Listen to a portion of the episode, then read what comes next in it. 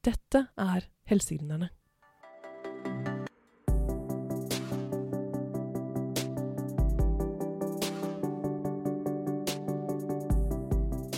Norge har verdens beste helsevesen og en befolkning som aldri har vært friskere. Men vi blir stadig flere, og vi blir stadig eldre. Og med mangel på helsepersonell er Norge helt nødt til å ta i bruk ny teknologi for å holde tritt med utviklingen.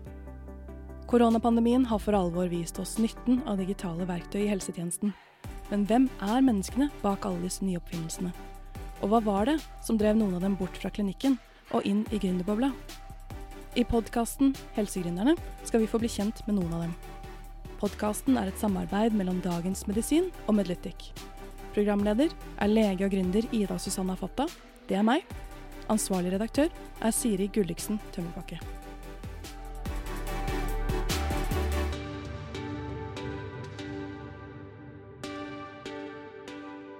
P-stav blir stadig mer populært som prevensjonsmiddel blant kvinner verden over. Men det finnes i dag ingen enkel måte å fjerne disse små implantatene.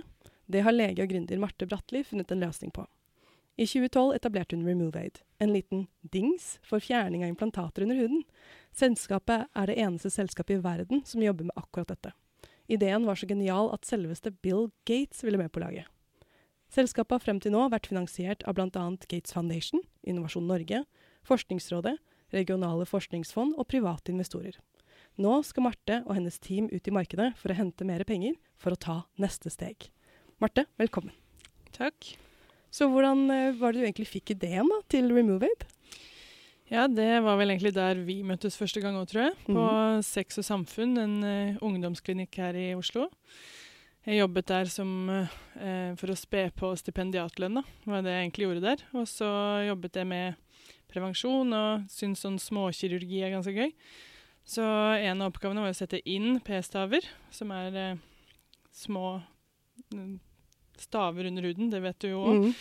Små staver, ja. ja og veldig enkle og greie å sette inn. Og veldig mye for så vidt arbeid lagt inn i en enkel innsetting. Men fjerningen syns jeg var vanskeligere, da. Og syns liksom Den var jo rett under huden, men så var det likevel vanskelig å få tak i den, og det lå noen flere lag over der, og måtte pirke fælt, og følte meg ganske inkompetent. Så begynte jeg å høre litt med kollegaene mine da, om liksom, er det bare meg som er så dårlig på det her. Og så viste det seg at nei, alle egentlig satte av dobbelttimer og styra med dette her og trengte hjelp. Og, og, da tenkte jeg begynte liksom bare å gruble at det må da finnes en måte å liksom gjøre dette på som er enklere. Så det var vel der det begynte. Mm. Og det er vel ikke bare et uh, lokalt problem på Sex og samfunn, det her er vel uh, et globalt problem? Ja, litt i parallell da, med at jeg begynte å tenke på det og begynte å finne ut Tilfeldigvis altså Farfaren min var uh, oppfinner i sin tid med noe vannrensefilter. Jeg vet ikke engang hvordan det fungerer, men han hadde i hvert fall noen patentadvokatkontakter fra før. Så da jeg begynte å snakke om dette her så vidt med pappa, så sa han ja, du kan jo høre med Robert Perry, som var min farfars gamle venn. da. Så gjorde det, da. Sendte det dit. Og så nei, så var det da ingen andre som hadde gjort noe med dette. Så tenkte jeg at ja, ja, kan jo sende inn en søknad, det skader jo ikke, liksom. Og så begynte ballen å eh, rulle. Og så, rett etter egentlig at jeg hadde gjort det, så kom det eh, så en, eh, altså en, i styret mitt en liten notis om at eh, eh Norge bl.a. hadde vært med på et sånn eh, Implant Access Program, heter det, der de fremforhandlet en avtale der de senket prisen på p-staver på globalt, eller spesielt i tredje verden, da, for å øke tilgang på prevensjon. Som jo er kjempebra. Altså det er jeg mm. veldig for at kvinner skal ha tilgang på prevensjon. Men jeg så jo også da at når vi på Sex og Samfunn og leger her strevde med å få dem ut, så umiddelbart tenkte jeg at OK, dette blir et problem. Så da um, var det en annen i styret som tilfeldigvis kjente til Tore Godal, som var daværende statsministers eh, rådgiver på global helse. Viste han en video da, av meg og noen kollegaer på Sex og Samfunn som prøvde å ta ut de p-stavene, og så ble jeg satt i kontakt med Bill Gates. Så da ballet det liksom på seg derfra. Så, så du har møtt mm. Bill Gates, du? Nei, det har jeg ikke. Nå, ja, nei. Men, satt i kontakt med Bill Gates Foundation, da. Ja. Bill og Melinda Gates Foundation. Og ja eh, ja, mange lang papirmølle for å komme gjennom med noen søknader om, om, støtte til utvikling og utprøving av dingsen som nå er ferdig. Mm. ja, ikke sant. Ja, for det, eh, dette med å gå fra en idé til å gå til et produkt, Mm. det er ganske lang vei. Ja. Vil du fortelle litt om den reisen? Ja, jeg skal prøve i korte vendinger. Det er en veldig lang historie, men jeg skal prøve å holde den relevant og interessant. Men ja, altså, hovedutfordringen er jo nettopp å få altså I starten så er det jo for så vidt ikke så umulig å få støtte, da. Altså finansiell støtte, fordi eh, altså tidlige faseprosjekter, forskning og utvikling, det er ganske Det finnes det apparater som støtter. Eh, Så det fikk vi jo, da. Altså, vi fikk en slags kombinasjonsstøtte fra Bill og Melinda Gates Foundation og Forskningsrådet, som egentlig tok oss den første etappene med utvikling. Men eh, utviklingen av et sånt produkt altså I starten har du litt frie tøyler og kan bare teste og prøve og trikse og mikse med prototyper på sånn, men når du skal begynne å finne ut hvordan dette faktisk virker, så er det jo veldig regulert. Så da Vi fikk jo ISO-sertifikat til bedriften. Hva vil det si? det vil si at du har et godkjent kvalitetssystem i bedriften som viser at du er Altså vi er kvalitetssikret som et eh, medisinskteknisk selskap som kan drive med em, design og utvikling, em, produksjon og distribusjon av produkter. Og Mm. det vil si at du har ja, Du kan vise til at du har kontroll på prosessene. At du vet at når du gjør, bytter ut på den måten, så har du kontroll på den endringen, sånn at ikke det skal ramme pasienten. Det er egentlig en sikkerhetsfunksjon. så alt det måtte på plass før første eh, Revalid-studie, en liten pilotstudie på 25 pasienter på Karolinska i Sverige. Så det var jo et mangeårig arbeid for å få det på plass før vi kunne, kunne prøve det ut. da. Det var vel bare Eh, papirer, eller? Mm? Var det bare papirarbeid, eller hvordan går man frem med det? Igjen, altså det er jo et, det er jo et helt eh, Det blir sammenlignbart kanskje mm, Jeg tenker hvordan man skal formulere det. Altså det er jo egentlig hvor, hvordan Du må beskrive i ord og vise i, i systemer hvordan du gjør alt du gjør. Mm. Altså jobben din, da. Jeg Så all, hvordan du gjør innkjøp må du dokumentere, du må, og så må du følge dine egne prosedyrer. Mm. Så du må ha systemer for absolutt Ikke absolutt alt, men veldig mye innenfor Medtech er regulert på den måten. Så da må du lage et system, og så må du følge systemet, og så skal det være sporbart. Det er egentlig største, øh, største poeng da, tror jeg, med det. Med at hvis dersom det skjer noe, så skal du kunne Vise følge tilbake og skjønne hvor, hvorfor kan dette ha skjedd. Har det skjedd Mm. noe feil? Er det et systemsvikt? Er det det produktet som ble produsert med feil materiale? Altså, hvorfor ble det sånn? Så pasientsikkerhet er jo hensikten bak, men så det måtte vi ha på plass da, først. Og så fikk vi jo masse tilbakemelding fra første pilot, eh, bare utprøving, og da var jo det publiserte resultatet på det, det første. Og andre piloten, og det var vel sånn success rate rundt ja, kanskje 50% noe sånt nå. Er det bra eller dårlig på det tidspunktet? Ja, hvis du skal kjøpe et device for å få ut en p-stav, og du kan regne med at det 50 Annenhver gang. skal komme ut, så er det i hvert fall ikke et ferdig produkt. Da kan vi vel kanskje konkludere med. Men det var jo å skjønne hvorfor, så det ga oss jo masse input på hva vi da skulle forbedre. Og det var ikke store endringer heller. Det er jo et sånt samspill som er veldig sånn fintfølende mellom hud, en stav og en device som skal sam samkjøre. Så det var jo på en måte bitte små justeringer, men som hadde store utfall da, på, på effektivitet og sånn. Sikkert har det vært hele tiden. Så det har aldri vært stilt noen pasienter i risiko, men det har vært hvor, hvor bra, eller hvor Hvor effektivt det er, da. Ja. Mm. Som har vært, og som stadig er. på en måte, Det kommer alltid til å være en sånn opp mot 100% altså en evig, evig mulighet til å forbedre, da. Ehm, så det var liksom første bit. Og så eh, var det å sammenstille nok dokumentasjon for å kunne sva eller vise at vi har Altså Et produkt skal jo beskrives i henhold til en kravspesifikasjon, så du har laget en liste da med alle mulige ting du mener at dette faktisk er, dette produktet. Og for å kunne påstå noe som helst som et produkt, så må du også bevise at det er det. At du kan uh, Du har utført tester som viser at jo, det stemmer det du sier. Og da må du designe tester, gjøre tester. Hvis ikke testene er bra nok og viser det du skal ha, så må du enten redesigne endre kravet eller endre testen. Og så må du holde på sånn i en sånn evig sløyfe til du liksom har fått check på alle punktene Mm. nedover, da. Så ehm, det er det vi egentlig har holdt på med, kan du si, i ti år, da. Og, det, ja. og vi har jo på en måte, på godt og vondt, så er jo vårt produkt helt nytt. Altså Vi har ikke noe å sammenligne oss med, annet enn en standard metode. Altså Du har jo en frihåndsskalpell og en frihåndspinsett eller arterieklemme og en leges uh, fikling, Mm. si, som er alternativet. da. Uh, men det at du gjør noe nytt, betyr også at du må finne opp stien selv. Og det er jo konkurransemessig en fordel, for det er jo ingen andre. Men veien blir også des desto lenger, for du har ikke noen snarveier å ta. Du kan ikke herme etter noen andre eller uh, tråkke opp uh, andres tester, liksom. Du må finne opp alt sammen selv. Så det har vært en veldig uh, hva skal jeg si, krevende prosess, og spesielt da med at Norge ikke har så mange som driver med Medtech. Så det er ikke så mange det er ikke så mange å på en måte hente kunnskap fra heller. Det er ikke så mange som kan være mentorer eller du kan eh, ansette heller, liksom. Det er ganske få Medtech-bedrifter i Norge. Ja, For det har vel vært veldig i vinden nå, i, i hvert fall de siste par årene, men kanskje ikke for ti år siden, da dere trengte råd og veiledning. Nei, det er jo noen, altså det er selvfølgelig noen store som er etablerte, og så er det Altså I de klyngene vi har vært med i, så er vi blant de som har på en måte vært i posisjon til å gi råd, mer enn å få råd. Så som store måte- søsken. ja, men eller vi har jo vært få, da. Små. Mm. Så vi er jo sånn sett eh, Men vi har jo også ligget på en måte foran sånn sett og vært veldig heldige med, med hvilke kompetanse vi har fått inn på konsulentsiden. Så spesielt i Irland har vi jo de, jo de har en lang historie med Medtech.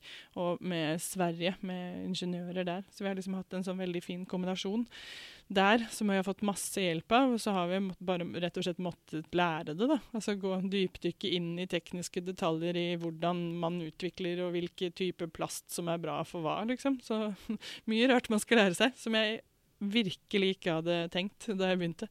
At det var det jeg kom til å sitte igjen med av kompetanse nå, i andre enden. Hadde du gjort det igjen? Det er et eh, Altså, det kommer selvfølgelig litt an på hva som nå skjer, holdt jeg på å si. Hvor verdt det det føles, da. Men jeg håper jo at dette virkelig kommer verden til gode, skulle jeg si. Altså at det kommer seg ut i verden. Um, men det har jo kostet mye. Det har det. Av eh, liksom sosialt og for familie og andre. Så det har på en måte tatt en ufortjent stor del av livet, kan du si. Disse ti årene her, da. Mm. 30-åra har liksom vært removed. Mer eller mindre. Så du må virkelig brenne for det du, det du skal lage, eller det du skal Hensikten bak. mm, jeg tror altså driveren min, sånn min personlige driver da, i det hele, har vel vært Ja, det er flere enn én ting, men eh, kanskje aller mest eh, er vel egentlig at jeg at jeg satt i gang. Altså at Når du først har begynt å gå, så Mm. skal du liksom gjennomføre det du har sagt du skal. Og løse et problem, på en måte da, Mer som en sånn Rubiks kube som har ligget der, og så bare gi meg ikke før den er ferdig.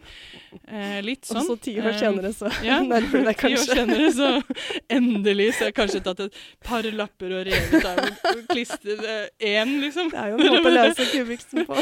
Ja, jo, eh, ja, eller i hvert fall mye frustrasjon, og de der gjengene i den er jo helt oppbrukt etter å ha liksom, ja.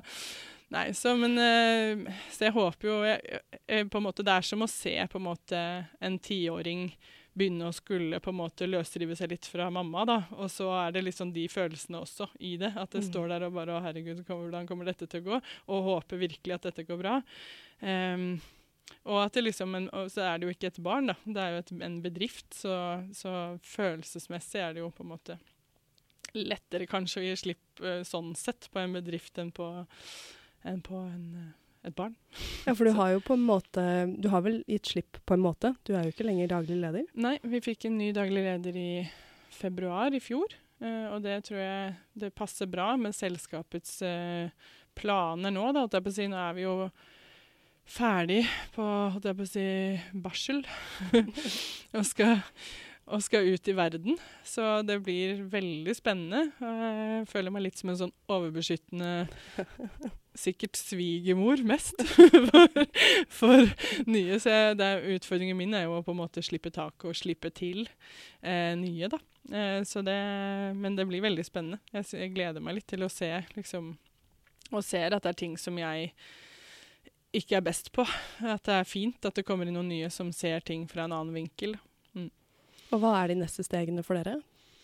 Ja, det er jo det. Å få til første salg og komme seg ut og se at dette her ja, kommer ut i verden. Og så samtidig sørge for at man da ivaretar eh, kvaliteten. Da, på en måte At det, mens det rulles ut, så tar man imot de tilbakemeldingene og fortsetter den der evige prosessen som jeg har stått i da, i ti år. liksom lærer, forbedrer og lærer og implementerer de tingene man finner underveis. Mm. Ja, for tenk så. for en kompetanse du sitter med nå. Nå kan du jo bli rådgiver for alle andre som skal komme etter dere. Ja, altså det er jo en givende tanke det også, å kunne være med på på en måte skape veien for andre. Da. Altså, alle veier er jo unike, kan du si. Det er jo, sånn er det jo. Altså, produktet styrer jo hva man må gjøre, men litt det der å kunne har lært av hvordan, hvordan, man har gjort det, og så um, hjelpe andre til å i, ikke nødvendigvis ikke gjøre samme feil, men å ikke måtte bruke like mye krefter da, på de samme stegene. Og noe av det handler jo om på en måte informasjon og forståelse bare i, i miljøet, på en måte. Altså at det er såpass ungt, medtech-miljøet, at det er mye å lære fortsatt som på en måte nasjon da, for mm. Norge. Hva tenker du at eh, myndighetene kunne gjort for å legge bedre til rette for medtech-selskaper? Jeg vet ikke helt om det er myndighetene som altså, Jeg tror det er veldig mye vilje, både liksom politisk og faglig også, egentlig. Tror jeg det er litt sånn i vinden nå. Det var jo da Altså, jeg er jo selv lege, da, og følte veldig på Kanskje du også er jo også lege, men det å på en måte gå liksom litt utenfor den kliniske eller forsker, altså veldig akademia eller klinikk, så føler man seg litt som en sånn slags utebryter i negativ forstand. altså At du på en måte er en sånn sviker som går til den andre siden. altså Det er litt sånn man på en måte blir fremstilt. Liksom, hvis noe har en kommersiell verdi, så er det nesten som at det implisitt er negativt. Sånn har det i hvert fall vært historisk. da. Og det tror jeg kanskje det er en liten sånn Jeg aner liksom en eh, toneendring til at det ikke høres så negativt ut lenger. At uh, man skjønner at det kanskje er et ikke nødvendig onde, men et, et nødvendig samarbeid som man helst bør prøve å få til en slags vinn-vinn-situasjon. For å få ting til, altså for å få det ut. Så ja, Nå sporet jeg litt av. Nei, nei, jeg syns dette er kjempespennende. fordi mm. eh, Du beskriver på en måte at du, du, føler at du har blitt nesten betegnet som en sviker når du har brukt så mange timer eh, på å prøve å få til et fungerende produkt som ja. Eh, har hatt Altså, det skulle jo ut globalt også, og hjelpe spesielt i land som ikke har så god tilgang på helsepersonell å få, ta, altså få, tak i disse P-stavene som har blitt uh, rullet ut av mange, i mange land da, med, med, dette initiativet. Er, det, er, det ikke, er, ikke, det litt rart og at kollegaer reagerer på den måten? For det første så har jeg vel ikke blitt betegnet som sviker. Det har jeg ikke. Ah, okay, så, så det er mer en sånn implisitt følelse, ja, jeg har. At liksom det er ikke helt Det er liksom ikke høyest rangert hva du skal Skjønner. bruke din uh, utdannelse på, liksom. Mm. At det er litt sånn der Ja, skal du virkelig på en måte bruke det på kommersiell Ikke sant? Eh, mer sånn, da. Så, så, det er vel mer som sagt en sånn implisitt holdning i på en måte når, altså, historisk sett, i hvert fall. At det høyest hengende stjernene er liksom akademia eller, eller klinikk, ikke, ikke, industrien, på en måte, da. Eh, så nei, jeg har jo ikke blitt sånn kritisert. Og som jeg også sa innledningsvis, jeg har ikke gjort dette for å skulle tjene penger. Det er ikke det som er driven. Det er å få det til. Uh, og hvorvidt altså, men, og, og, ja, du kan godt si altså, på den måten er det jo et egoistisk på en måte ønske, for det er nettopp at jeg ville løse et problem som jeg hadde sett, og ville finne en løsning. Men det var løsningen som var poenget, ikke egentlig resultatene utover det. Verken økonomisk eller altså, Men jo, selvsagt vil jeg jo at dette skal komme til gode for å løse det problemet jeg ønsket å løse, da, kan du si. At det blir tatt i bruk som det. Men uh, så Nei, jeg har ikke noe, altså det er ikke sånn, men jeg syns det er veldig positivt at det er et skifte. Altså At det virker som at det er en, et skifte i hvordan man ser på kommersialisering eh, som element. Og så er det jo en del Så det er jo litt sånn Hva skal man leve av i Norge etter oljen, på en måte? Og da er vel altså Medtech eller ja, helseindustri da i hvert fall er et veldig potent område, virker det som. Og, da, og det er jo enig at det er spennende, men da tenker jeg at det er ganske mye å lære, altså for Norge, for å få det til. Og det handler ikke egentlig om myndighetene nødvendigvis. eller jeg tror Det er, altså det er investeringsvillighet, og det er, ligger mye penger på bordet hos I, i hvert fall i tidlig fase og sånn, men, men, det der med liksom å ha Å få kompetansen på plass, da, for å få til på en måte egentlig den reisende vi har den, det her med kvalitetssikringsarbeidet og på en måte det er jo sånn der, Vi er jo litt der nå, på en måte, mellom tidlig fase som det er lett å få Eller lett, altså jeg vet ikke, men i hvert fall mulig å få finansiering da, fra, til forskning og utvikling. Og på en måte når du er på plass og etablert, mellom der så har du en litt sånn skummel eh, fase som vi er i, på inn i nå, på en måte, der du ikke mm. egentlig er fundable på den måten fra offentlige instanser, fordi man driver egentlig ikke så veldig mye med forskning og utvikling. Man driver med å, å konsolidere seg for å få komme i markedsposisjon. Så det er litt sånn sårbart tidspunkt, egentlig, akkurat nå. Og der er det vel man eventuelt kunne ha gjort noe. Jeg vet ikke hva det skulle vært. Altså, jeg skjønner jo det at støtteapparat, eller Ja, men eller, ja, nettopp det der med støtteapparater er jo også en sånn ikke sant, Hva de har lov til og ikke lov til å være med å finansiere eller ta ned risiko, da. Mm. Men også med tanke på rådgivere og, og, og, folk som kan ta dere gjennom den prosessen på en bedre måte, kanskje? Jeg tror jo at det er veldig viktig at bedriften selv har eierskap til prosessen. Altså at, eh, så det med rådgivning er liksom et tveget sverd, mm. tenker jeg. Fordi det å eie prosessen er viktig. At du skjønner hva det er du skal, og at du at det først. Men selvsagt at man har da noen å spare med, selvfølgelig. Men så lenge liksom hovedeierskapet ligger internt, da.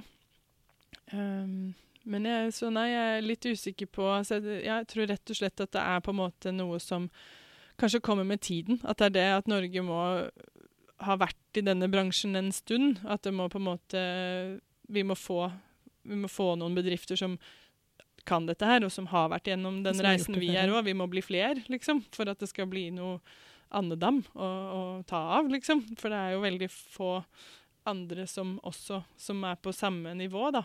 Du har noen store over oss, som GE eller Medistim eller sånn. Og så har vi noen få andre som er som oss. Og så er det mange i startgropa, og, og det er liksom det.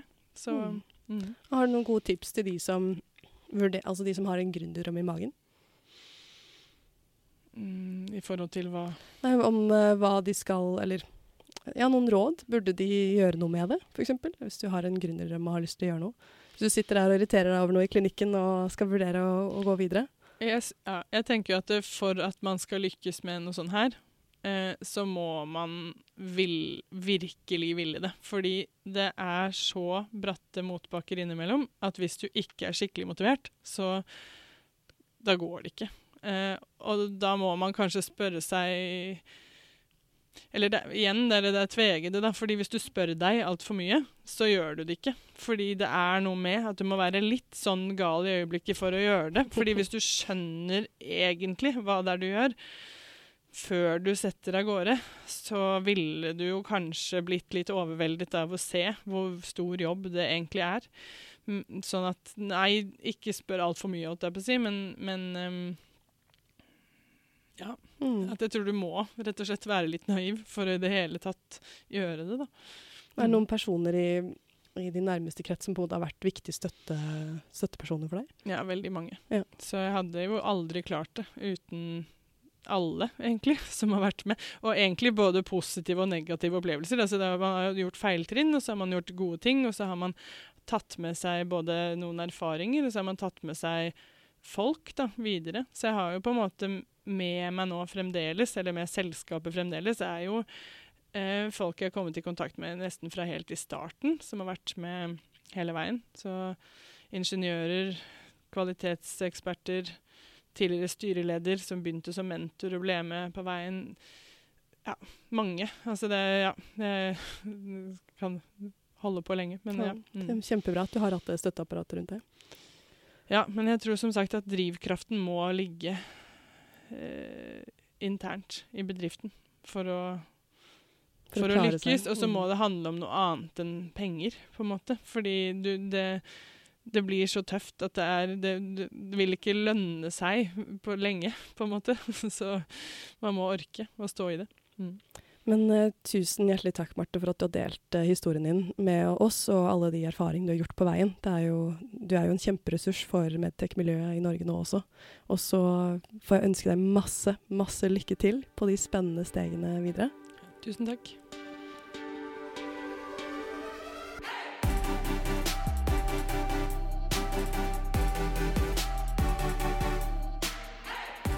Du har hørt på podkasten Helsegründerne. Mitt navn er Ida, og hvis du har kommentarer, innspill eller forslag til gjester, så vil jeg gjerne høre fra deg. Vi høres igjen i neste episode.